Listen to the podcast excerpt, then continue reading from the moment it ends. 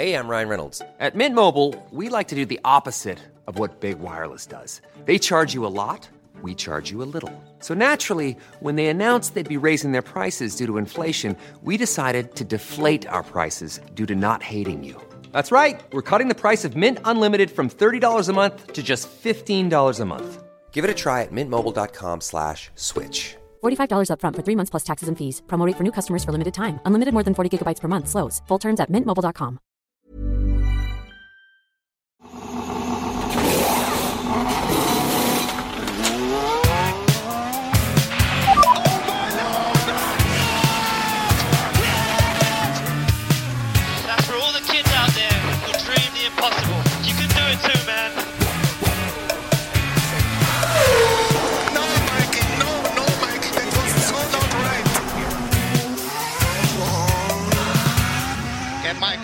and steering wheel. Steering wheel, claps and steering wheel here. Under ett brinnande fotbolls-EM så brann även Carlos Sainz bil på Red Bull Ring och det är väl kanske då en rostad häst vi fick se och i början av säsongen så pratade vi om grillad tjurballe men efter Red Bull Ring och Österrikes Grand Prix så har vi en rostad Ferrari. Anna Andersson, du såg ju det här eh, på, när du live-rapporterade på Aftonbladet på sportbladet.se. Har du hämtat dig från helgen? Jag har hämtat mig från helgen, men en sprinthelg den eh, kräver ju lite mer. Alltså det är ju fokus eh, tre dagar, eller fullt fokus tre dagar. Fokus är det väl alltid, men fullt fokus tre dagar.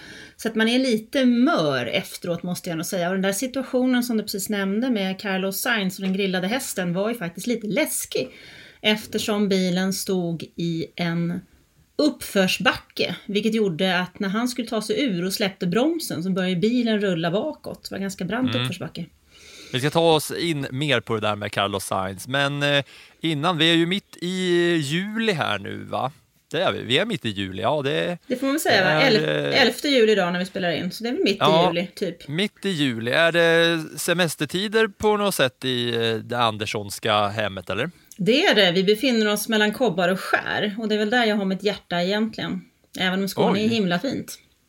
Mellan kobbar och skär. Ja, jag kan tänka mig att det kan vara en och annan lyssnare som ligger i hängmattan och eh, myser lite när man eh, lyssnar på den här podden mitt i sommaren. Så vi är ju glada att ni eh, väljer att hänga med oss under semestern. Anna Andersson ute bland kobbar och skär alltså. Jag själv sitter inne på eh, Sportbladet, redaktionen, där jag återigen helg efter helg när jag jobbar tvingar alla här att kolla på Formel 1 och folk är chockade när de får reda på att människor sitter och kollar på träning.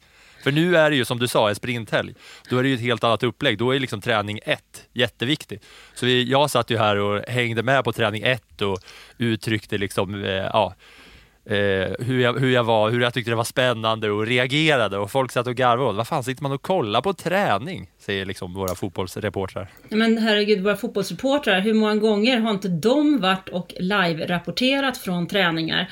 Och vi har sett slagsmål på svenska fotbollslandslagets träningar, så att de ska väl inte säga så himla mycket. Och det är ett himla hallå när det är en stängd träning, så de får klättra över någon stege någonstans för att ta sig in.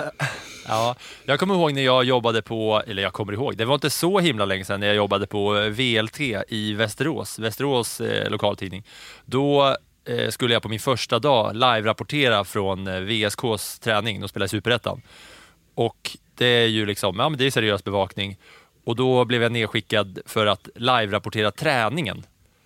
Och det hade jag ju, jag kunde ju inte en enda spelare. Ett tänkte jag, vem fan vill sitta och kolla på en live-rapportering från ett superettanlags träning? Och för det tredje, hur fan ska jag kunna live-rapportera här? Jag vet inte vem någon är. Så jag hittade någon eh, en gubbe på läktaren där som, som jag frågade hela tiden. Vem är det här? Vem är det här? Vem är det här? Vem är det här? Så satt jag, satt jag och live-rapporterade från, från VSKs träning. Så live-rapporteringar, det är ju populärt. Ja, men det där är ju, så hur många gånger har man inte gjort sånt? Jag har varit utskickad på Prix alltså trav. Ah, Prix d'Amérique! Mm, och jag kan ju ett, ingenting om hästar. Jag tycker de är lika farliga fram som bak. Och två, ingenting, ingen franska. Så det där var ju en... eh, Och Regna gjorde det. Men det jag framförallt lärde mig, Helena av Johansson körde det året. Men det jag framförallt lär- Legendary travkusk. Ja, det vi- var väldigt legendariskt här. Och det jag framförallt minns är att jag lärde mig att man aldrig ska bara gå omkring med en, eh, bläckpenna. För det funkar ju inte när det regnar. Då måste man ha blyerts också. Jaha, så du, satt, du var där och antecknade och så eh, fick du liksom jobba med att läsa dina egna anteckningar sen? Ja, för hästkraken, han gick ju sönder på träningen. Jaha, vad var det för, kommer du ihåg vad hästkraken hette? Eller? Det finns ju några klassiska hästar, Sogin och Maharaja och... Nej, det var ju ingen av dem i alla fall. Det här var ju jättelänge sedan. Jag kommer faktiskt inte ihåg, men det var en bra häst. För de höll på att vinna.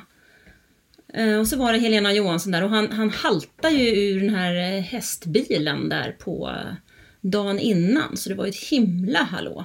Ja, du vet man gör konstiga grejer. Men sen måste jag faktiskt också- berätta en helt annan grej när man, när man är ute på någonting första gången. Jag var ute på en F1-träning. Och det här måste ju ha varit, eh, jag hade en dejt med Ralf Schumacher i Toyotas eh, eh, sånt här, vad heter det, motorhome. Och skulle Ja. göra en intervju med honom där. Eh, och på den här tiden så var det inte lika noggrant med hur mycket man fick testa. Så att mitt under våran intervju där så drog eh, Honda, som då Button körde för, igång och testade sina motorer. Eh, och jag var ju då inte så jätterutinerad så jag hade ju inte med mig även papper och penna utan jag körde ju med eh, inspelning bara. Det Ja, var ett helskotta. liksom. Ja, alltså jag, när de där motorerna gick varma, jag, det lät ju så in i. Så när jag skulle lyssna på detta sen, alltså var det tur att man hade bra minne kan jag säga.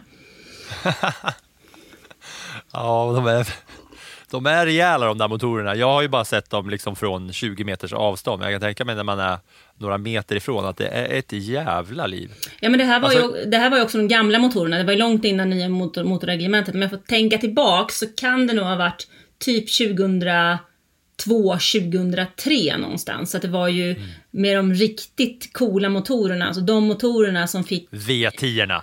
Ja, jag kan inte ens, jag vågar knappt, jag tycker det är så heligt att säga V10 så jag vågar knappt säga det liksom. För jag bara, nej. Och, man får gåshud av det där. Men det var något knäckt när jag sen skulle lyssna igenom intervjun och skriva den och bara hör Battons Honda-motor. Den gjorde du för Sportbladet då, eller? Ja, I absolut. Sportbladet Linda. Då, nej, det var faktiskt inte Sportbladet, utan vi hade ett magasin som hette S. S, som var klassiskt. helt fantastiskt. Och där gjorde jag ganska många reportage till det, F1-reportage som var lite sådär längre. Jag vet att jag var med Ferrari och hängde en hel helg på Monza. Jag var i eh, Renaults fabrik på Enstone. Det har jag varit vid två tillfällen, men där var jag nog första gången eh, 2005 tror jag, efter första titeln. Där gjorde vi någonting till S och så gjorde, var vi i Maranello och så var vi eh, och hängde i, hos Toyota. För då, då levde nästan- påven fortfarande. Det var massa coola grejer som man fick, fick möjlighet och glädje att göra. Det är ju nästan så att man vill eh, gräva lite i arkiven och se vad det blev av den där intervjun med Ralf Schumacher med V10-erna brummandes i eh, inspelningsutrustningen. Den borde finnas i något gammalt arkiv. Det är klart att den gör det. Jag fick verkligen tvätta den alltså. Gud vad jag höll på. Jag fick tag på en servett. Jag hade ju penna med mig men jag hade inte jag hade skrivit klart blocket så jag fick tag på en servett och anteckna liksom samtidigt och så jämföra anteckningarna med ljudet sen efteråt. Vad mycket knäppa grejer man har gjort. Allt ifrån att mutat eh, folk i telefon, eh, vad heter det, telefonväxlar i Egypten liksom till, ja. Jag vill inte veta. Eh, Prix d'Amérique, jag var tvungen bara att kolla upp lite namn där när, vi, eh, när jag lyckades få fram Sogin och Maharaja. Men jag kan tänka mig att några av våra poddlyssnare är även travintresserade. Och jag vill bara nämna några av de namnen som är på travhästar. Jag kan inget om trav, men jag, hästnamnen, de tilltalar mig. Med Sogin, Maharaja, Kopiad. Ja, där! Var det där? Ego, Ego Boy, Ina Scott, Nej, Järvsö Ina- Fax. Nu du, min vän. Ina Skott var det. Och Kopiad, där har jag faktiskt varit, den hästen har jag också varit och kollat in stallet på. Jag förstår inte varför jag skickades på de där grejerna. Men där har jag varit uppe i Värmland och kollat in kusen. Ehm, och på någon eh, efterfest där efter någonting. Också väldigt länge sedan. Men det var faktiskt eh, Ina Skott. Ja, klassisk. Sen är det även Järvsö Fax som jag vet bara för ett par år sedan las till sin sista vila. Och det var ju ett av våra mest klickade artiklar den, eh, den veckan tror jag. Järvsö Fax. Legolas, Victor Itilli, några andra namn. Ja, det är ju några fina namn där alltså. Nog med trav eller? Ja, nog med trav. Nu går vi in på andra hästkrafter. Andra hästkrafter får ni här i form av Red Bull Rings sprinthelg i form av en sprintgenomgång. Sprinthelg i Österrike betyder en träning, sen kval, sen sprint och sist race. Därav så blir ju kvalet en aning mindre intressant än vanligt och där det mest intressanta utöver hur det gick var att Lewis Hamilton såg het ut men kraschade i Q3. Kraschat i kval har han inte gjort sen kvalet i Brasilien 2017. Såklart blev det röd flagg och så fort det var över så gjorde Mercedes-kollegan George Russell exakt samma sak. Kvalkraschade alltså. Men när det är sprint, då ska poäng delas ut och dessa fördelades till Verstappen som var snabbast både i kvalet och i sprinten som han vann före de båda Ferrari-bilarna som återigen hade problem med direktiven och var nära, nära, nära att köra varandra av banan då Charles Leclerc och Carlos Sainz Jr inte kunde samsas om vem som var snabbast. Sen var det race. Och hur stavas race då, Anna Andersson? Jo, det stavas så här. T-I-L-L-F-Ö-R-L-I-T-L-I-G-H-E-T. Tillförlitlighet. För Ferrari, de gick mot en magisk söndag där det luktade 1-2 så det bara visslar om det. Men som så många gång förut så ska vi återigen sitta här och säga de magiska orden tillförlitlighet. För Carlos Sainz bil började brinna. Spanjacken hade problem att ta sig ur sin brinnande bil som inte ville stå stilla. Såklart så var ju detta superdramatiskt och vi ska prata mer om detta snart. Det blev ingen 1-2 för Ferrari alltså, men Charles Leclerc tog sig i mål först av alla trots en galopperande panik över en gaspedal som fastnade de sista varven. Monegasken jagades av Max Verstappen men lyckades hålla undan och ta sin första seger sedan Australiens GP den 10 april. Mick Schumacher börjar bli varm i F1-kläderna nu och han kom sexa och dessutom utsågs han till Driver of the Day. Fernando Alonso, han körde förbi Yuki Tsunoda och läxade samtidigt upp den lilla japanen genom att hytta med näven för att Tsunoda inte gav Alonso tillräckligt med plats. Ja, det hände alldeles för mycket i Österrike, så nu tar vi resten i normaltempo. Välkommen in Anna till Förlitlighet. Ja, Anna. Tillförlitlighet. Vi är här återigen. Det har gått snart halva säsongen exakt, men än en gång så ska vi prata om tillförlitlighet och vi ska prata om Ferraris tillförlitlighet. För det var ju ganska läskigt ändå med Carlos Sainz när bilen började brinna och de gick mot ett superrace, alltså en kanonhelg för Ferrari med Sergio Perez som redan var, redan var borta och med stor chans att köra in massor med poäng i totala konstruktörsmästerskapet. Ja, det är tillförlitlighet. Det är ju, jag vet inte hur många gånger jag har sagt det. Eh, och det, det är ju där vi hamnar, igen. Eh, och, men det känns ju, jag noterade nu att Sainz har väl brutit va, fyra race i år. Eh, av de här elva som vi har kört. Och tittar man då på hans läge hos Ferrari så blir det ju mer och mer svårt. Även om vi nu, jag var ju ganska hård för en vecka sedan och plockade fram sågen och jag förstod ju sen efteråt att det finns ju, vi, vi pratar ju inte om rätt sågar här. Eh, du nej, och jag. det är klart vi inte gör. Nej. Vi, nej, vi är inte bra på jag det har inte sågar. använt såg många gånger. Nej, men det heter ju fogsvans fick jag reda på. Ja, Ehm. fogsvans. Ja, instrumentsåg kallar vi det. det Mm. jag, jag står fast. Ja, vi ska dra igång en motorsåg här ute på ön sn- snart, men det vet jag ju också vad det är. Men det tar vi efteråt. Men jag var ganska tuff mot Ferraris eh, strategi där och hur man valde att inte hantera Charles Leclerc på det sättet som jag anser att man, man borde ha gjort. För att det känns som att Ferrari behöver, de, deras bil är så pass snabb men ändå känslig. Så de behöver verkligen ta alla möjligheter de får. Och när vi då hade det med oss från en vecka sedan så kommer vi tillbaka här nu. De har läget på en 1-2 och det känns ju, alltså han var ju på gång Charles, eller Carlos där, han var ju på väg förbi. Och så går bilen sönder igen. Och de tappar ju oerhört många poäng. Och tittar man då på Leclerc som ligger bäst till i sammandraget, så den här helgen så tog han väl ändå bara in 6 poäng. Det är ju alldeles på tok för lite sett till helheten. Nu lät var det ju så att säga fel Ferrari. Jag har absolut ingenting emot Carlos Sainz. Det är en jätteduktig förare och en bra kille.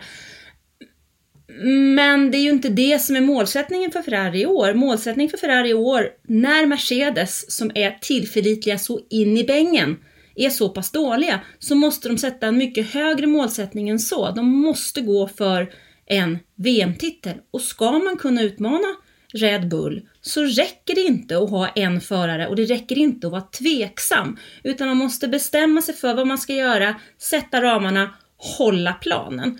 Och de har ju tappats alldeles på tok för många poäng, även om Charles Leclerc vann i Österrike, vilket nästan var ett måste för att han ska hänga med. Så har man tappat nu på två tävlingshelger alldeles på tok för mycket poäng mot vad man har råd med. Det är ju oerhört viktiga race kvar här i juli för Ferraris del. Mm. Eh, bara om vi kollar på konstruktörsmästerskapet så är det nu så att Red Bull har 359 poäng med 7 segrar, 14 podium och Ferrari har alltså 303 poäng med 4 segrar och 11 podium. Eh, men om vi bara ska hänga kvar i Ferraris helg som helhet, så just där, där du säger med taktiken här, tänker jag på också, för det var ju det var ju kamp mellan Ferrari-bilarna redan under sprintracet. När de raceade varandra. Och då är det ju återigen samma grej som vi snackade om förra veckan efter det som hände när de var free to fight eh, och sådär. Eh, och det var ju ingen tydlighet den här gången heller. Alltså det som händer i sprintracet är att båda, båda ligger tight med varandra. Eh, jag tyckte det väl kändes som att Sainz nästan var snabbare och hade bättre fart under sprintracet. Och sen är det ju också en eh, händelse under racet när Ferrari plockar in Leclerc på varv 50 och då är Sainz etta före Verstappen, vilket gör att Leclerc kommer komma ut bakom Verstappen. Och då har de då möjligheten att tydligt visa att vi satsar på Leclerc, vi behåller Sainz ute på banan för att bromsa Verstappen, som man kan se teamkörning var många gånger. Att den ena, eh, ena teamföraren ligger längst fram och bara defendar, defendar så att Leclerc enkelt kan hinna ikapp Verstappen. Men då, plock, då plockar de in... där.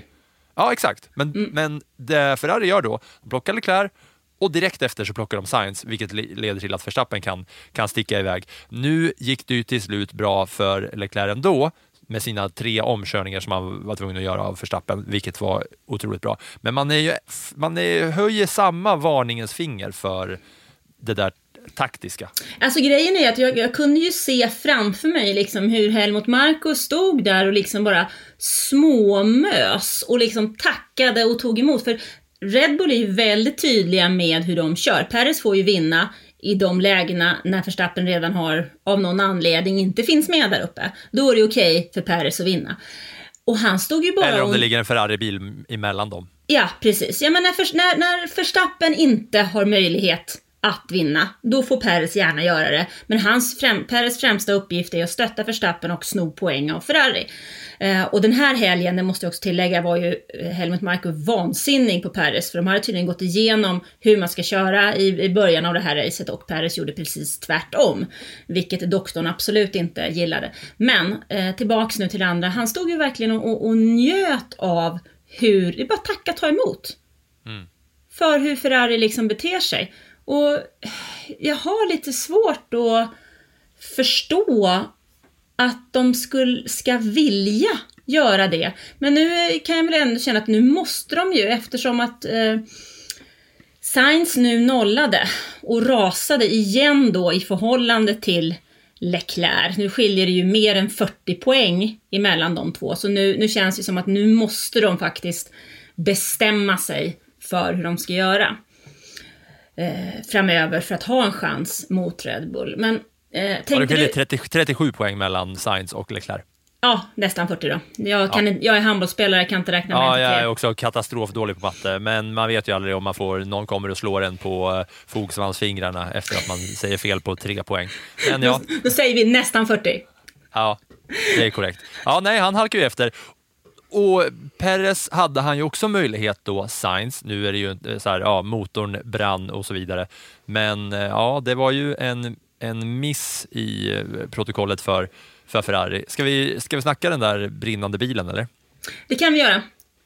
Nu har vi ju avhandlat Ferrari och deras eh, taktiska i- icke-tydlighet, vilket det känns som att vi kanske kommer få fortsätta komma tillbaka till race efter race om, eh, om det fortsätter i den här eh, stilen. Va? Alltså jag hoppas eh, verkligen inte det. Jag hoppas att de verkligen får fart på grejerna nu. För jag vill, ha, jag vill verkligen ha en höst där Formel 1 kan rida på den våg och den hjälp som man fick av fjolåret och av Drive to Survive, även om den eh, säsongen var den sämsta hittills, så vill jag ändå att på något sätt sporten ska kunna fortsätta rida, rida på den vågen så vi ska kunna få möjligheter att göra ännu mer roliga saker nästa år så att det liksom inte är dött här va, i augusti. Usch. Alltså, apropå Drive to Survive, jag har inte tänkt på det så mycket för att eh, man sträckkollade i princip igenom eh, senaste säsongen. Men den här, alltså kommande Drive to Survive-dokumentär som handlar om den här säsongen, den kommer ju vara otrolig. Här finns det ju mycket mer på alla håll och kanter utöver toppfighten. Ja, och plus Verstappen, han är ju tillbaka igen. Han har ju sagt Ja. att han eh, vill vara med så länge han får möjlighet att eh, kolla på hur de klipper hans eh, Mm. intervjuer. Så att inte saker och ting läggs till rätta. Sainz brinnande bil i alla fall. Han går ju mot, han ligger trea. Jag tror ju att han hade kört om Verstappen med, för han körde ju på så, samma taktik som Leclerc. Och det såg ju bra ut. Och sen så är det sådana extrema Barcelona flashbacks när Leclercs motor eh, smäller mitt i, eh, ja, mitt på en eh, gasraka där. Och han får köra av. Och det, han rullar liksom upp i en uppförsbacke där, han- där han eh, stannar bilen. Och så bör, ser man hur, så här, brin, brinner den? Ja, den brinner. Vad fan, den brinner!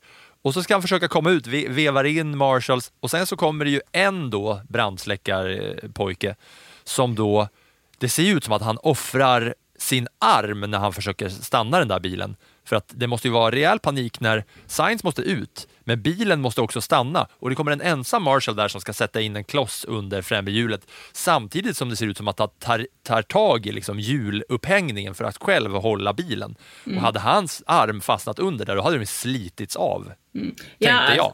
Ja, alltså det där var ju en eh, ganska dramatisk situation ändå som jag tyckte man fick se i tv-bilderna var lite för dåliga. Eh, faktiskt. Ja, de klippte ju velat- bort där snabbt för de var lite oroliga över att, eh, ja, alltså jag tänker att de måste varit oroliga för att hans armar skulle slitas av där och det vill man inte skicka ut Ja, livebilder på. Nej, nej, nej, nej. Det är bara, man hade velat, ja, man hade velat följa det där lite tydligare. Eh, Mm. Egentligen. Men det var ju lite läskigt just där för att Science behövde ju stå på bromsen för att bilen skulle stå stilla. Ehm, Och sen skulle han vara tvungen att hoppa ur. Det finns Ja. väl ingen handbroms i en F1-bil liksom? Så man bara rycker kryckan. Det, man kan inte rycka kryckan i en F1-bil. Eller? Nej det, nej, det gör ju inte det riktigt. Så att, nej, det där var ju en väldigt, det där måste man ju faktiskt titta på framöver. Hur tar man, sen är det också, så- det där är ju en bana, den är ju, det är en berg och dalbana. Alltså det är ju, inte vet jag, eh, vad de nu heter, Balder på Liseberg och eh, det finns ju en likadan träbana i Stockholm. Eh, mm, och det gör ju att det är ju svårare, det går inte bara att köra ut på vissa håll och kanter på den här banan, därför att där är det ju verkligen uppför och nerför. Så det var ett olyckligt ställe, men, men säkerheten måste ju vara där för att det ska hålla även på de olyckliga ställena. Så det var en, en dramatisk, ett par dramatiska sekunder. Och jag, Ja. för, jag Och jag, jag tänkte bara säga att eh, man har ju sett bilder på hur den där Ferrari-bilen då ser helt rostad ut alltså. Toasted Ferrari. Och man fattar ju då att det var en rejäl eld. Ja, och det måste ju varit fruktansvärt jobbigt, tänker jag, för Leclerc sen, som är kvar på banan och så får han problem med sin gaspedal. Ja, alltså man hörde paniken där och man själv fick ju panik för att veta det, hur viktiga de där poängen skulle vara nu för Leclerc. Och det kändes ju bara då som, ja, den här icke tillförlitliga bilen är så fragil så snart smäller ju hans också. Det känns som att de går hand i hand där när, när Sainz bil smäller och börjar brinna, att då ska samma sak hända med Leclerc. Och paniken han får då, det som händer är ju att han börjar rapportera att det är nog lurt med gaspedalen depån kommer tillbaks till honom och bara nej det ser bra ut, kör på, kör på och han bara nej, den fastnar. Och då köra i 300 km i timmen och lyfta av foten från gaspedalen och så är den fast där nere. Mm, och så har man en Och veta- jagande förstappen i rumpan. Liksom. Ja, en jagande galning i en stor tjursbil. Alltså, och veta då att nej, jag måste liksom jag måste släppa gasen extra tid. Det var det han gjorde. Han körde ju verkligen så här eh, lift and eh, coast eh, där. Så han lyfte ju på gaspedalen och sen så hängde den kvar en stund innan den släppte. Han tappade ju, på sista varvet så tappade han ju två sekunder. Ja, ja, nej, men det är helt sanslöst. Och det var lite roligt, jag, jag var med på en sån presstjosan med Mattia Binotto som är teamchef där efteråt och han erkände ju då att han var ju så nervös de sista tre varven att han inte ens vågade titta. Ja, Och det är och då bra är han liksom. head off Ferrari så att säga. Ja, precis. Och i efterhand så har det också kommit fram att Kevin Magnussen hade också motorproblem eh, på de avslutande varven och sista 15 varven tyckte jag han sa. Och han kör ju också med en Ferrari-motor så den är verkligen, verkligen fragil. Den här motorn. Eh, två grejer som jag bara vill slå ner vid när vi lämnar Ferrari är ju att Sainz är ju redan inne på sin tredje motor. Så nu kommer det börja kosta eh, startpositioner för Sainz när det ska börja bytas ut för att den där är ju så att säga inte en motor man stoppar i nästa bil. Eh, nej, inte om man vill köra mål i alla fall, eller ens komma till start. Nej, så eh, det kommer ju börja bli tufft för Sainz även på så sätt. Nu när man vet att, eh, ja, eller det du och jag i alla fall tycker och vad jag tror de flesta tycker också, att nu borde Ferrari verkligen börja satsa på Leclerc. Och sett till den åsikten så borde det väl ändå stärkas för att Sainz kommer ju behöva fortsätta ta nya motorer och till slut så kommer ju han eh, hamna längre och längre bak i, i starten. Ja, oavsett så- hur bra han kör i. Leclerc, Leclerc är ju också inne över, över gränsen. Eh, och, eh, så att eh, det, vi kommer ju att se, det var ju likadant förra året, det var, var ju ett antal motorbestraffningar under hösten. Och det kan vi räkna med att vi kommer att få se i år också. En grej jag glömde säga bara om eh, Leclercs gaspedal, för att vi ska inte hänga kvar där mer. Men jag tänkte lite så här att borde inte Fia kunna klivit in där och skickat ut den här flaggan som säger att det här är en fara? På samma sätt som de gjorde när Synodas bakvinge behövde tejpas ihop med gaffatejp. Alltså att, att det är ändå farligt med den där gaspedalen, att den fastnar. Är du med på vad jag undrar? Jag är med på vad du undrar. Sen är ju frågan eh, lite grann vilken insyn de har i det. Liksom. Och Ja. Synodas där, där handlade det ju om eh, DRSen. Eh, med den Ja. vingen där ju. Så att, eh, Ja, ja, och fysiskt lösa, lösa bitar som skulle kunna skada de andra. Men jag tänker ändå så här om en fast gaspedal. Sen vet man ju inte hur mycket data och information de hade tillgång till, alla stewards eh, och sådär. Men ja, jag ville bara lyfta den tanken för att eh, jag vet inte riktigt hur, hur sådana här tolkningar görs. tolkningar är alltid godtyckliga. Ja. Om vi eh, bara säger så här då, det var ju ändå kvalitet av Leclerc att köra i mål som etta när han hade både de fysiska problemen i bilen och förmodliga panikkänslor i det mentala då för att eh, han ville ju så gärna eh, bryta den här streaken att inte vara på topp fem och, och, eh, och vinna då. Så det var ju extremt starkt av honom må jag säga. Annars då, eh, Perez körde ur sig men, eh, och Verstappen kom ju, eh, kom ju tvåa. Det, det är väl inte supermycket att säga om det, men jag vill prata om racingen den här helgen rent allmänt bara. Att vi hade ju en bra Leclerc versus Verstappen hela, hela racet som det kändes. Leclerc får alltså göra tre omkörningar på Verstappen under racet. Sen var det i början när det var Perez mot eh, Russell, det som eh, till slut fick Perez att eh, bryta loppet då. Russell åkte på fem sekunders bestraffning för att han körde in i Perez. Har du något, då, har du något som du tycker om den situationen för det första? Alltså jag tycker ju inte att bestraffningen var felaktig. Eh, det gör jag inte, men jag tycker nog att Peres var lite klantig i sitt spårval. Eh, faktiskt. Det som jag kan väl tycka mer är väl att jag är lite imponerad över hur Russell trots den bestraffningen faktiskt eh, går i mål som eh, fyra. Det tycker jag är starkt jobbat. Återigen alltså Russell. Och sen var det ju, ja, det kändes också som att Alonso fightades mot allt och alla under, eh, under hela helgen. Men det är, väl lite, det är väl lite så han är. Han känns ju som den som alltid slåss mot alla. Alltså hans finger mot Tsunoda tycker jag är när han liksom kör i 200 klick Ja. och ändå plockar upp fingret och viftar och talar om för lille Tsunoda som behöver psykologhjälp för att han inte har koll på varken sig själv eller bil. Eh, att hörru du min lille vän, så där kan du inte köra. Ja, ja. Bara det liksom. Alonso går hos mig som en av dem som jag gillade till att jag tror nog att Alonso är my guy. Alltså. Han, han, han är rolig. Han gör mycket, mycket kul. Det är som fingret som Anna pratar om här, alltså när Alonso ska ta sig förbi Sunoda och då åker han på insidan. Sunoda gör ingen plats, vilket gör att Alonso måste hålla sig ute med högerdäcken ute på gräset och kör ändå om Sunoda och har tid då för, inför inbromsningen att hytte med fingret till den lilla japanen. Jag la, jag la faktiskt upp en liten bild på det där, eller en litet videoklipp på det där på min, eh, på F1-bloggen på Aftonbladet i, ja, natten mellan söndag och måndag. Så att, eh, man kan faktiskt se det där om man vill. Och så hade vi också eh, racingkamp mellan eh, Mick Schumacher och Lewis Hamilton under både sprintracet och eh, racet. Schumacher mot Hamilton, har vi hört de efternamnen tillsammans förut Ja, eller? det är ju mäktigt ju. Är det inte det? Jo, men det är ju det. Och sen tycker jag att det är roligt för Mick Schumacher att han har fått ta poäng i två race i rad. Eh, och att han har fått komma ur lite av det här tuffa som han jobbade i. Att han har fått visa. Han är ju en, lite, han är ju en sån där som tar lite tid på sig. Va? Det har han gjort i alla serier han har kört. Han har behövt mer än en säsong. Och i fjol så det, han, det motståndet, alltså ursäkta men Nikita Mazepin, det var ju inte ens ett motstånd. Det var ju liksom bara en flärp. Ja, och de hade ju inte en bil överhuvudtaget att sätta emot med på något sätt. Jag tycker också det är riktigt, riktigt, riktigt roligt med Schumacher. Han tog alltså sina första poäng förra eh, racet och nu kommer han alltså P6, vilket ger honom åtta nya poäng. Han är före Magnusen, han är före Lando Norris, han är före många, alltså hela mittfältet liksom. Det är ju bara Ocon, Russell, Hamilton, Verstappen, Leclerc före honom. Det är ju superimponerande. Och Haas också i sin helhet då, som har två race i rad nu ändå gjort bra resultat. Det går fort där och det hörde man till och med Lewis Hamilton säga när han inte kunde haka på, när han över radion säger “Their straight line speed is crazy” när Schumacher kör om Hamilton. Och det är ju ändå otroligt att, ett, att en Mercedes Hamilton säger om en Haas-bil. Mm. Ja, men så Haas har nu plockat 34 poäng. Det gör att man ligger före team som Alfa Tauri, Aston Martin och Williams.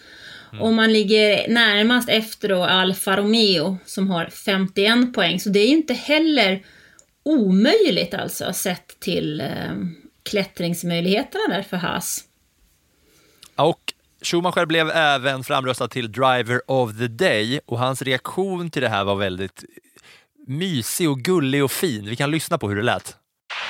We just found out you're driver of the day, um, oh, by the fans. I just wondered what that means to you. That's very nice. I was wondering when that came. I thought about Silverstone, but yeah, obviously he is, uh, he is a great thing. So thank you very much to, to everybody. Ja, du såg den här reaktionen Anna. Vad, vad kände du? Det var mysigt ju. Ja, men alltså jag tänkte, men lilla vän, så, ja men lilla gubben, det var väl mysigt ändå. Tänk om pappa hade fått se det där. Och välförtjänt också ju. Ja, ja men liksom det var, han utstrålade en eh, ödmjukhet som eh, långt ifrån alla inte bara racerförare utan även i unga idrottsmän har idag. En mognad. Jag, tänk, jag tänkte så här eh, om hans utveckling nu, att han börjar få, att han att det börjar, ja men nu är det bara två race visserligen, men det börjar se bättre ut och, och, och förra året så fick han liksom inte träna på att köra Formel 1-bil för att Haas var så överlägset sämst. Så han, det enda han fick göra förra året var ju att åka längst bak och bara ta sig i mål så gott det gick när bilen inte gav upp helt och hållet för att de hade ingen bil som kunde tävla med de andra. Men det är först i år som han faktiskt har fått lära sig lite att köra Formel 1-bil och fightas mot andra, alltså i själva racingsynpunkterna, när han får tampas mot Hamilton och han får, får träna på, eh, alltså nu har han ju tränat hela sitt jävla liv, men att faktiskt i racing-sammanhang under faktiska lopp får han liksom öva på de här grejerna och att han utvecklas av att eh, ha en helg där han, där han racear mot Hamilton hur många varv som helst. Att det är ju här han utvecklas mer än att bara sitta i en bil förra året, tänker jag. Jag eh, skriver under på den. Tack ska du ha, Anna. Det känns bra för mig.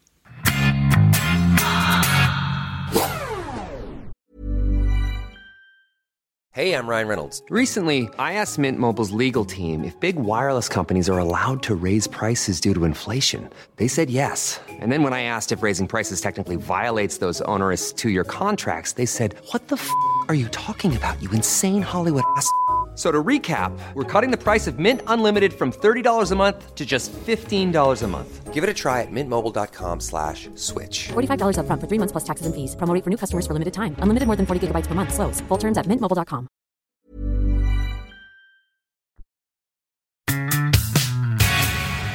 Mercedes då? Ska vi säga något om Mercedes? Du var ju lite skeptisk till att de skulle få det eh, lika lätt på den här banan som de hade det på Silverstone och det hade du väl rätt i till viss del va? Eller hur alltså fredagen var ju Fredagen var ju fruktansvärd för Mercedes. Alltså de hade ju två kvaddade bilar, fick bygga om alltihopa, reservchassi och bytte väl allt som de kunde byta till sprintracet utan att få en mm, bestraffning. Så att,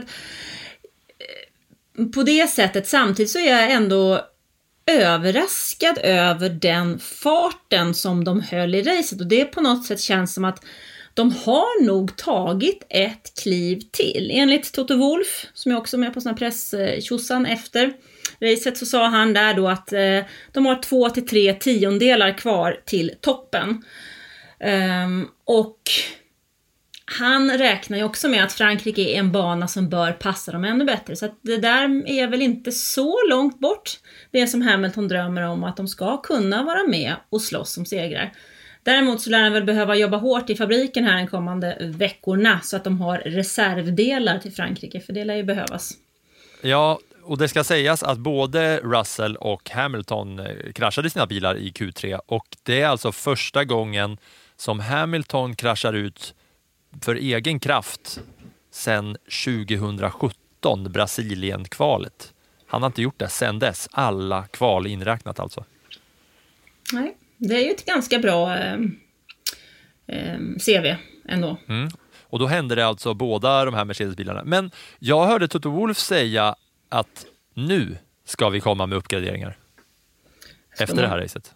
Alltså de har väl kommit med uppgraderingar här i stort sett eh, hela tiden och det kommer väl eh, att komma. De är ju också medvetna om vad de behöver göra för att komma närmare. Och Mercedes, säga vad man vill, så har ju de två väldigt tillförlitliga bilar som håller ihop. Och de har ju en betydande roll i mästerskapet. För att kan de, nu är de med och plockar tredjeplatser här, för de andra har ju bara en bil som går i mål ofta.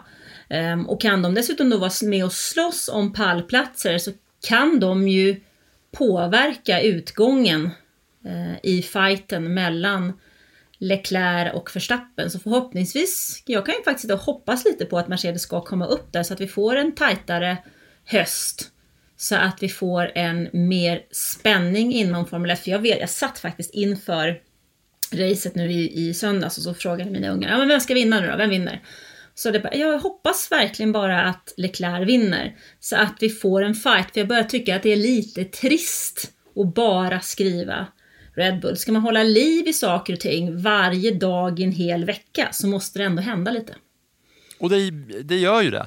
Och när vi pratar kamp, Verstappen mot Leclerc, så tyckte jag att Verstappen, han kör lite liksom, han kör lite fel, eller han kör inte så kaxigt som man är van att se Verstappen köra och där man har lärt sig om den vårdslöse Verstappen sen han kom till F1 som har fått massor med varningar för att han kör alldeles för aggressivt och inte släpper förbi folk. Och framförallt den Verstappen som vi såg blev världsmästare förra året när han gång på gång vägrade släppa en millimeter till Lewis Hamilton många gånger. Han kör ju helt annorlunda mot Leclerc än vad han gjorde mot Hamilton. Är det något personligt där eller är det att han har landat i att nu har jag blivit världsmästare, nu tänker han och kör på ett annat sätt? Eller vad är det som gör att han kör så, i mina ögon då, om man tittar bara på det här racet, fegt mot Leclerc?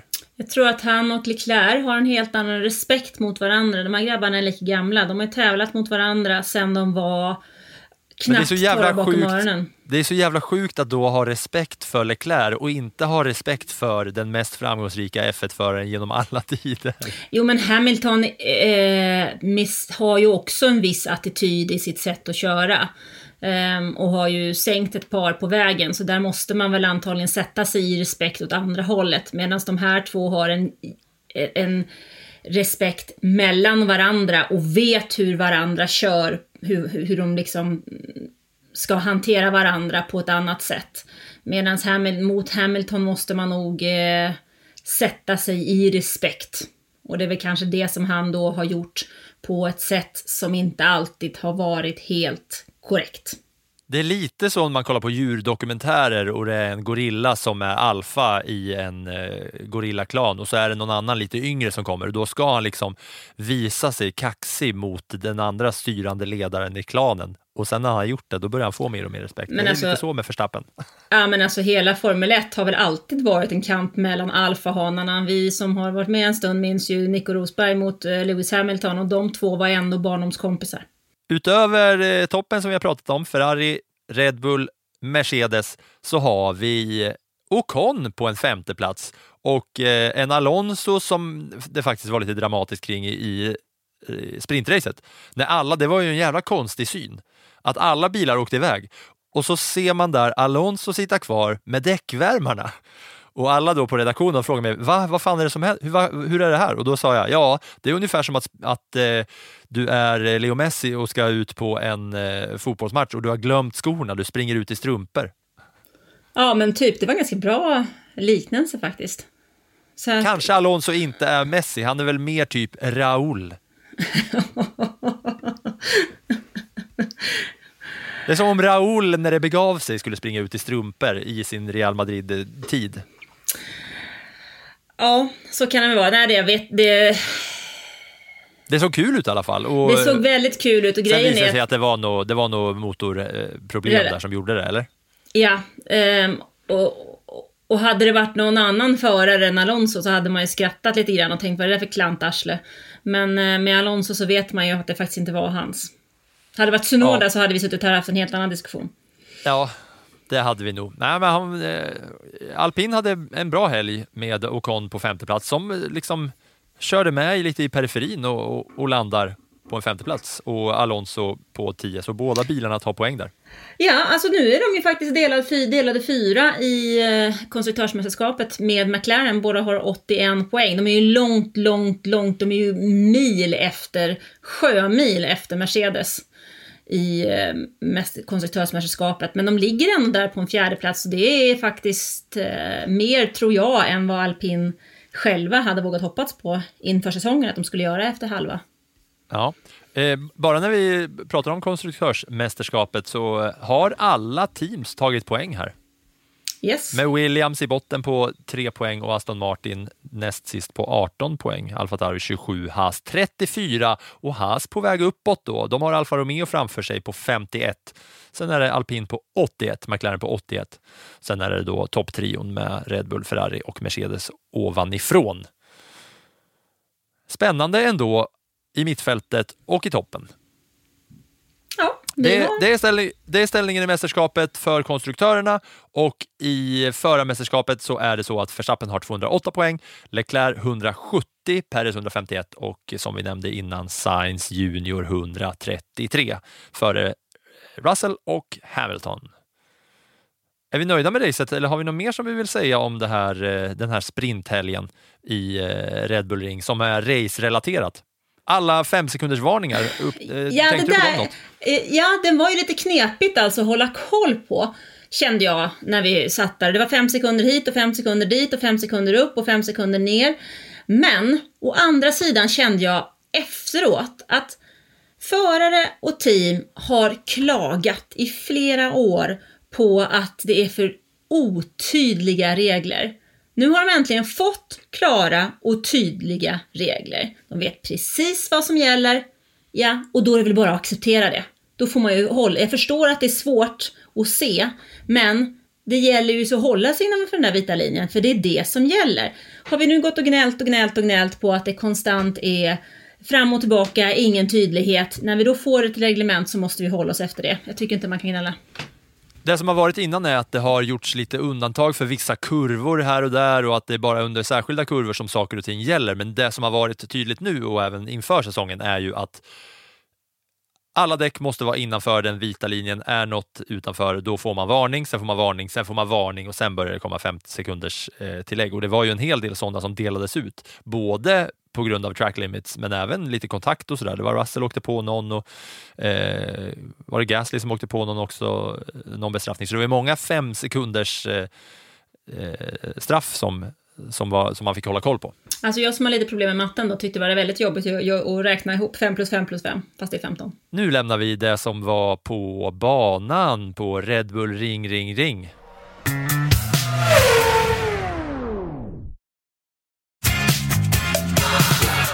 Och då tar vi dina plus, Anna. Ett plus. Sebastian Vettel. Påkörd och bestraffad i sprintrace och i race.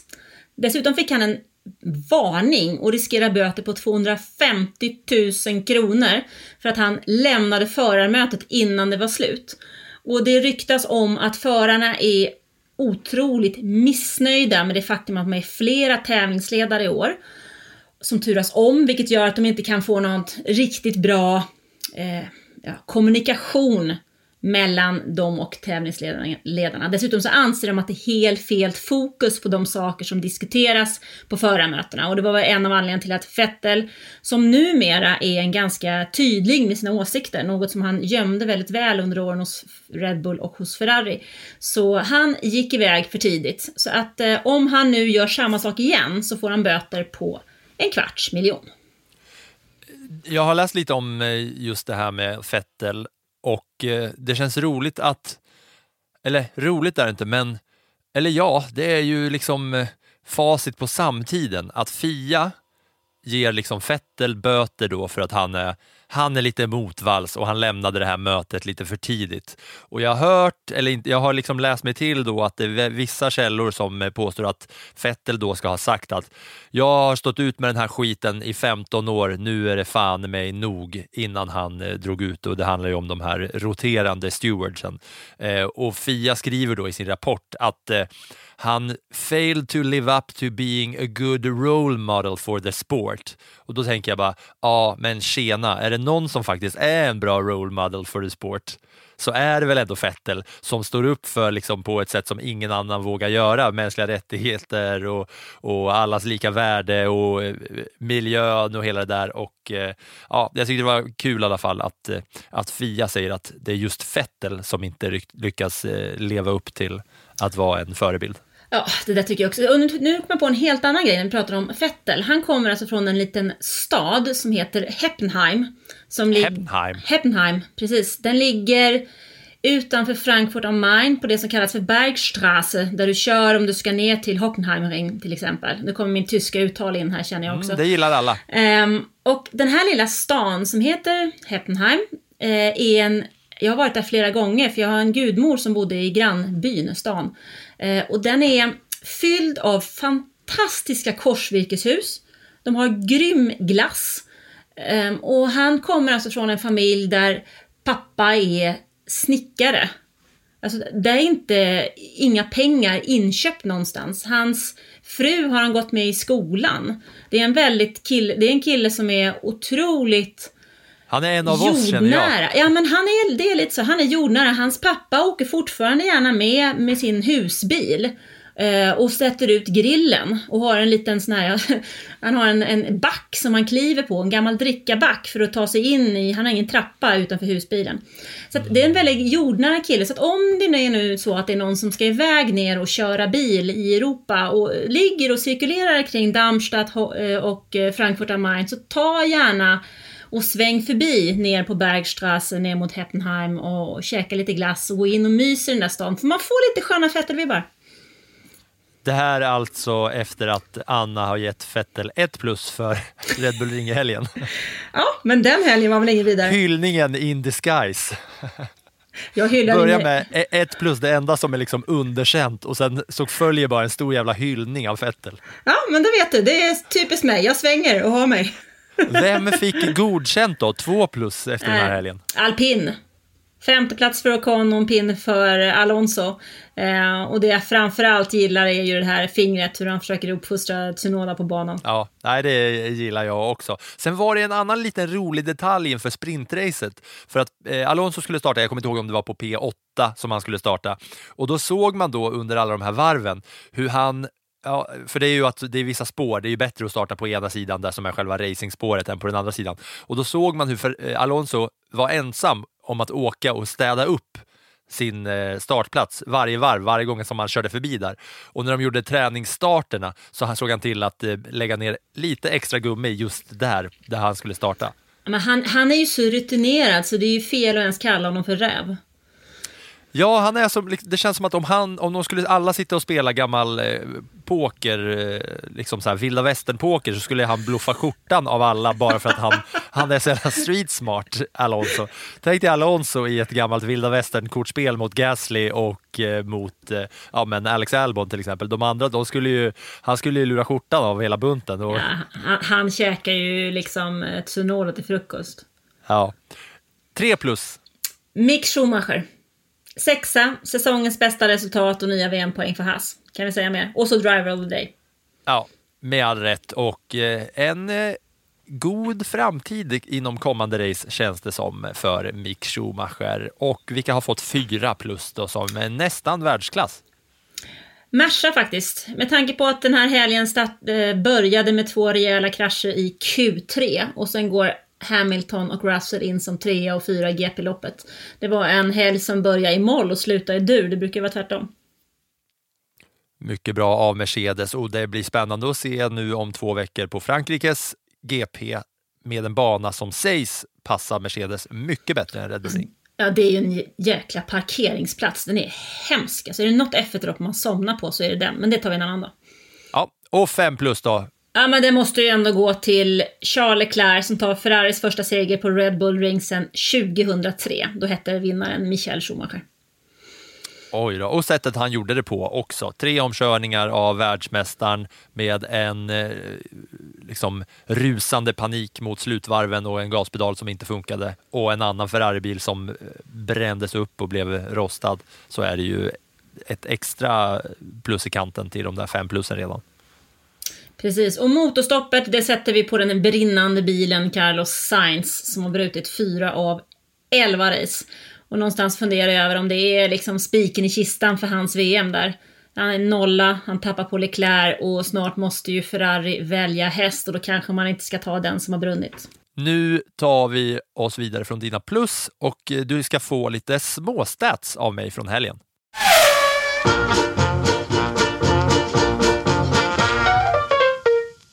Här kommer lite småstatistik från herr Lindfors. Och då har jag sniffat upp lite småstats som börjar med eh, Lewis Hamiltons hjälm. Och det är så här att han kör ju en HBTQ plus-hjälm lite då och då med regnbågsflaggan med hyllningar för till allas lika värde och så vidare. Och han har kört med den här fyra gånger och har alltså 100 podium-rate med den här hjälmen varje gång han eh, har den på huvudet. Då borde han fortsätta med den. Mm. Och det får vi se om han gör. Och eh, de är snygga de här hjälmarna. Jag har dem framför mig här och kollar på dem. De är, det är stilig eh, hjälm på Hamilton. Sen kom det ut ett dokument från Verstappen som hade fått fylla i något slags så här på sociala medier. Vi gör en rolig liten film när eh, han skulle fylla i då, ja men lite så här kul, man pratar om de alla de andra förarna inom eh, Formel 1 där han ska ska liksom bara kryssa i så här. Best looking in orange.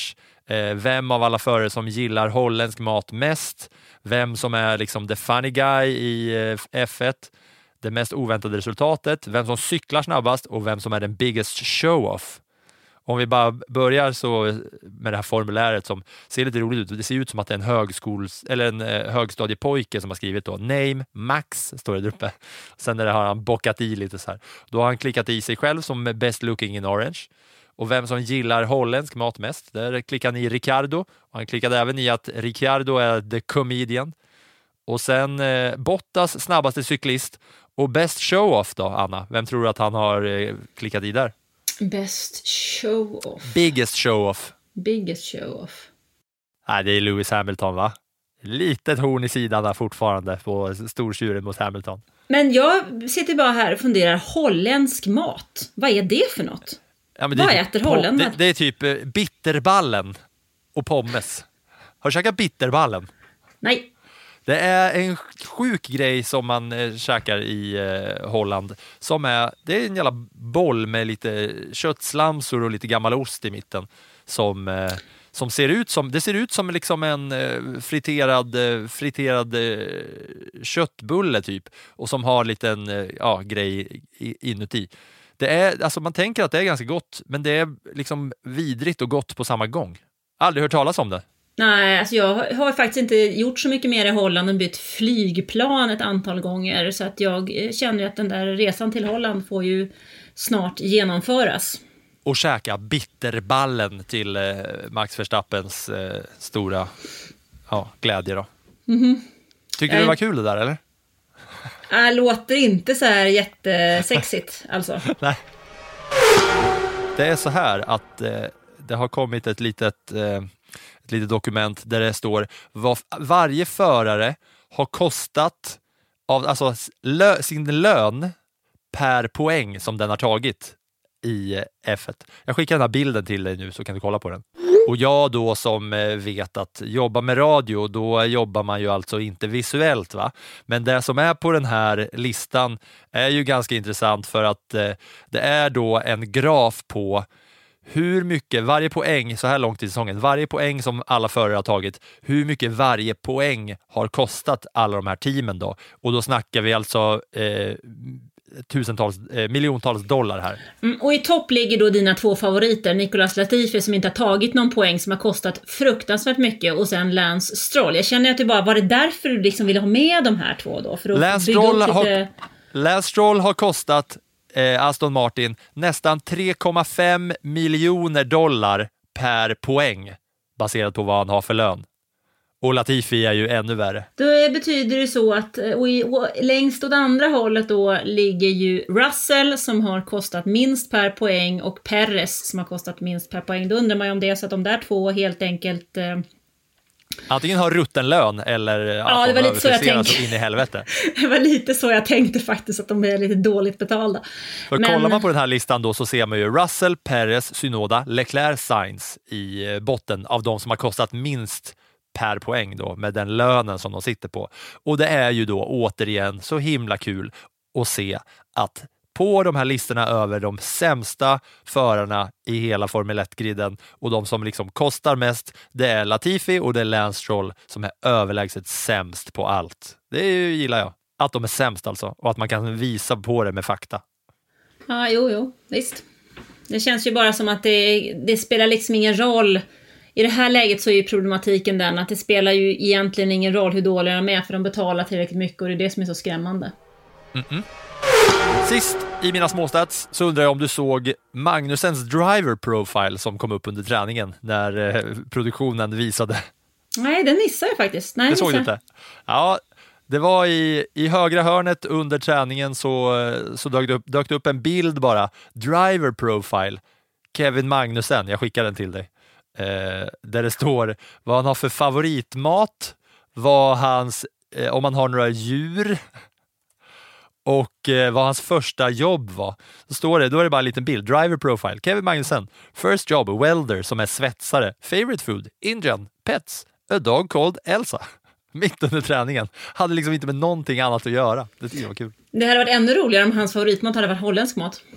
Ja, och Max Verstappen hade klickat i att Ricardo gillar bitterballen då alltså. Nu har vi kacklat väl eh, mycket om det här racet. Känner du att du är färdig med Red Bull Ring den här gången? Eh, jag kom på en gång innan, eh, innan jag, jag låter dig svara på frågan så ska jag svara på frågan själv. Alla de här rökbengalerna, de orangea rökbengalerna på läktaren, det måste ju varit världsrekord i användning och de som säljer de här orangea rökbengalerna måste ju liksom ha gjort på samma sätt som typ Buttricks drar in hela sin eh, årsinkomst på halloween så måste ju de här orangea rökbengalsförsäljarna ha dragit in hela sin årsinkomst på det här racet för att det var så mycket r- orangea rökbengaler så att det måste vara slut varenda lager i hela världen. Alltså det låg, lå- låg ju som en dimma. Det var ungefär som när jag var på Hockenheim när de körde F1 där, där man eh, gick igenom de här grillarna där de grillade det som tyskarna kallar för nacken och vi kallar för fläskkarré. Eller grishals. vad heter det på tyska?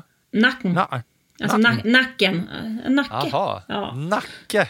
Ja, ehm, eller brända korvar, för då såg det ut ungefär likadant. Det var ju ett svart moln, liksom. Så vulkaner på Island som lägger rökmoln över halva. Ja. Och det, var ju, det är ju så här, visst att det är Red Bull Ring och att det är hela kommersialismen i eh, dess renaste form med Red Bull hit och dit. Men det ser ju mäktigt ut med den där stora jäkla tjuren under den här Wembley-bågen eller vad man nu vill kalla det och sen den där orangea röken som bara flyger hela dagarna under eh, Österrikes GP-helg. Ja, man kan tala om att det verkligen är hemmabanan. Nå- Något annat kan vi inte snacka om. Innan vi avslutar det här avsnittet från Red Bull Ring Ring Ring mitt i sommaren som är avsnitt 18 så eh, finns det ju någon liten nyhet och snackis som vi kanske ska bolla upp innan vi bara kör en snabb svensk koll och säger tack och hej. Och det är ju att till slut blev det precis som Christian Horner ville. Eller nej, det blev ju verkligen inte som Christian Horner ville för han ville ju höja budgettaket massor.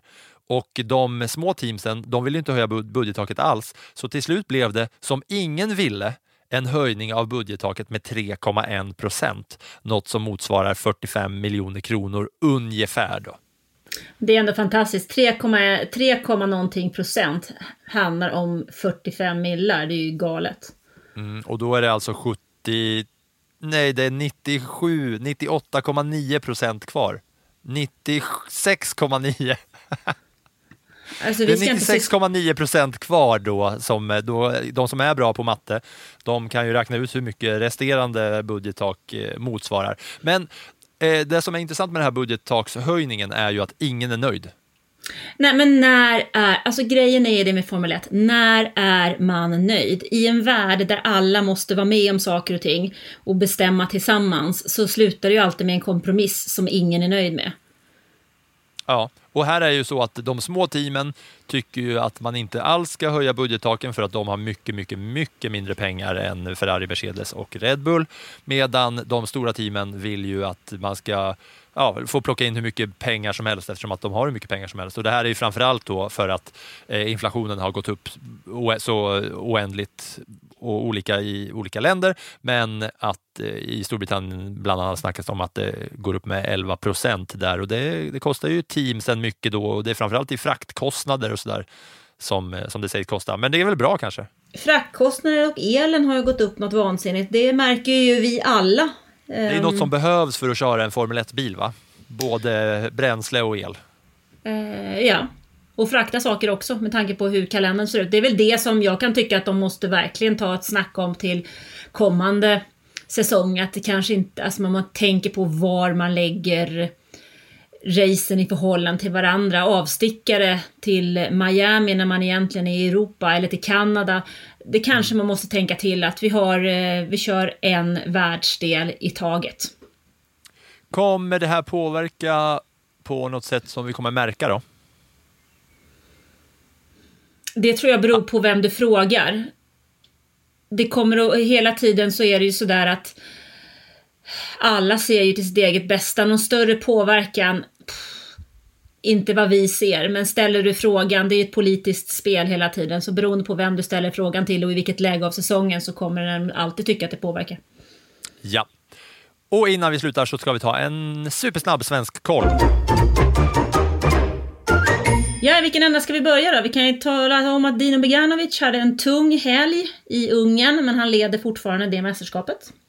Mycket när vi, snackar, när vi snackar formelbil. Jag vill bara säga någonting om den eh, kategorin av racing som kallas för extrem E där det är så att det uppstod en lite rolig situation här på redaktionen när det var så att Carlos Sainz senior, som är en som alltså är eh, Carlos Sainz juniors fader då, krockade ihop med, eller stötte ihop med Johan Kristoffersson som också kör Extreme E. Och Johan Kristoffersson som är en av Sveriges bästa rallycrossförare någonsin de körde ihop här i Extreme E och det var en rejäl krasch. Carlos Sainz senior i sin tur är ju för mig den Carlos Sainz som jag tänker på när jag hör namnet Carlos Sainz. För att jag växte upp med att spela Colin McRae-spelen på PC där det var Colin McRae i sin blåa Subaru och det var Carlos Sainz i sin Toyota som var vit och röd och hade kastrull som reklam. Men han kör alltså 60 år gammal Extreme E, en sport som jag gissar på att du hatar då, Anna, eller? Alltså, hata är väl kanske ett starkt ord, men jag tycker att det är pajas. Och då säger jag förlåt Johan Kristoffersson och Mikaela Olin Kotorinski som kör detta. Men jag tycker att den är väldigt eh, politiskt korrekt eh, och har väl svårt att se det som sport egentligen. Det är väl inte jag sitter och ler här för jag vet att du egentligen, den... egentligen vill, du, eh, vill du gå loss här på det här. För att det är liksom bilar som körs helt på el och det är eh, killar och tjejer som ska eh, köra i de här teamen. Men det som i alla fall är svenskkollen att Johan Kristoffersson, legendary rallycrossförare, smällde ihop med Carlos Sainz juniors farsa Carlos Sainz senior. Bara att de heter samma sak tycker jag är liksom värt att ta upp och Carlos Sainz som är legendary rallyförare. Folk visste inte om det här på redaktionen kan jag säga för att eh, Micke Ljungberg som är, som är intresserad av Formel 1 och är den eh, som eh, jag tampas med i Motormanager här på redaktionen. Han eh, fick, eh, fick sin liten eh, uppläxning här i vem som är the real Carlos Sainz. Ja, men då har man ju inte riktigt bra koll. Johan Kristoffersson vann och Mikaela Olin Kotelinski vann faktiskt det här mästerskapet i höstas, vintras. Och kommer vinna i år igen. Ja, de leder i år igen. Eh, Och de kör vann- i Nico Rosbergs team. Precis, och det är det, lite det som är, det här är ju ett- en, ett mästerskap som har startats eh, av samma man som ligger bakom Formel E. Och då har man ju plockat in då eh, lite kändisar, så det är ju faktiskt så att eh, X44, vem tror du det teamet tillhör? Säg det du. Lewis Hamilton. Det är kul ju, men eh, det är ju inte något som vi bevakar stenhårt. Va? Därför fortsätter vi våran fokus på Formel 1 och vi kommer göra det nästa vecka när vi ska snacka upp Frankrikes GP och i och med att det är en racefri helg framför oss så ska jag nu dra en digital lapp i det som kallas backspegeln till nästa vecka. Är du beredd Anna? För att det är du som ska få berätta för mig och lyssnarna om det som står på den här digitala lappen. Ja, det ska jag väl förhoppningsvis klara av? Så dra du. Jag går in på en randomizer här och klickar in en siffra mellan 1 och 32 som är så många lappar som jag har i, eller ja, lappar som jag har i lådan, men när jag spelar in från redaktionen så har jag ett dokument här. Då ska vi se. Brasiliens GP 2003. F1-racet med fel vinnare? Frågetecken har jag skrivit på min lapp här. Mm. Det var ju ett väldigt kaosartat race om jag inte minns fel med stormbyar och avkörningar och regn och man körde väl typ 75% av den race-distansen eller något sånt där. Det ska vi Ja. väl kika på till nästa vecka.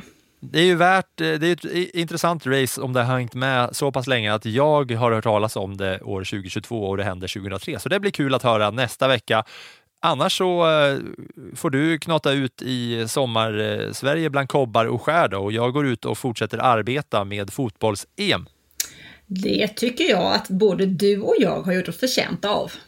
Och ni som lyssnar på det här, om ni är på semestrar, njut av att ha det gött. Och ni som jobbar vill jag bara säga, ja, njut av att kämpa på också och ha det extremt fantastiskt. Och fortsätt häng med oss i Plattan i mattan som kommer ut varje onsdag, varje vecka. Tack för nu!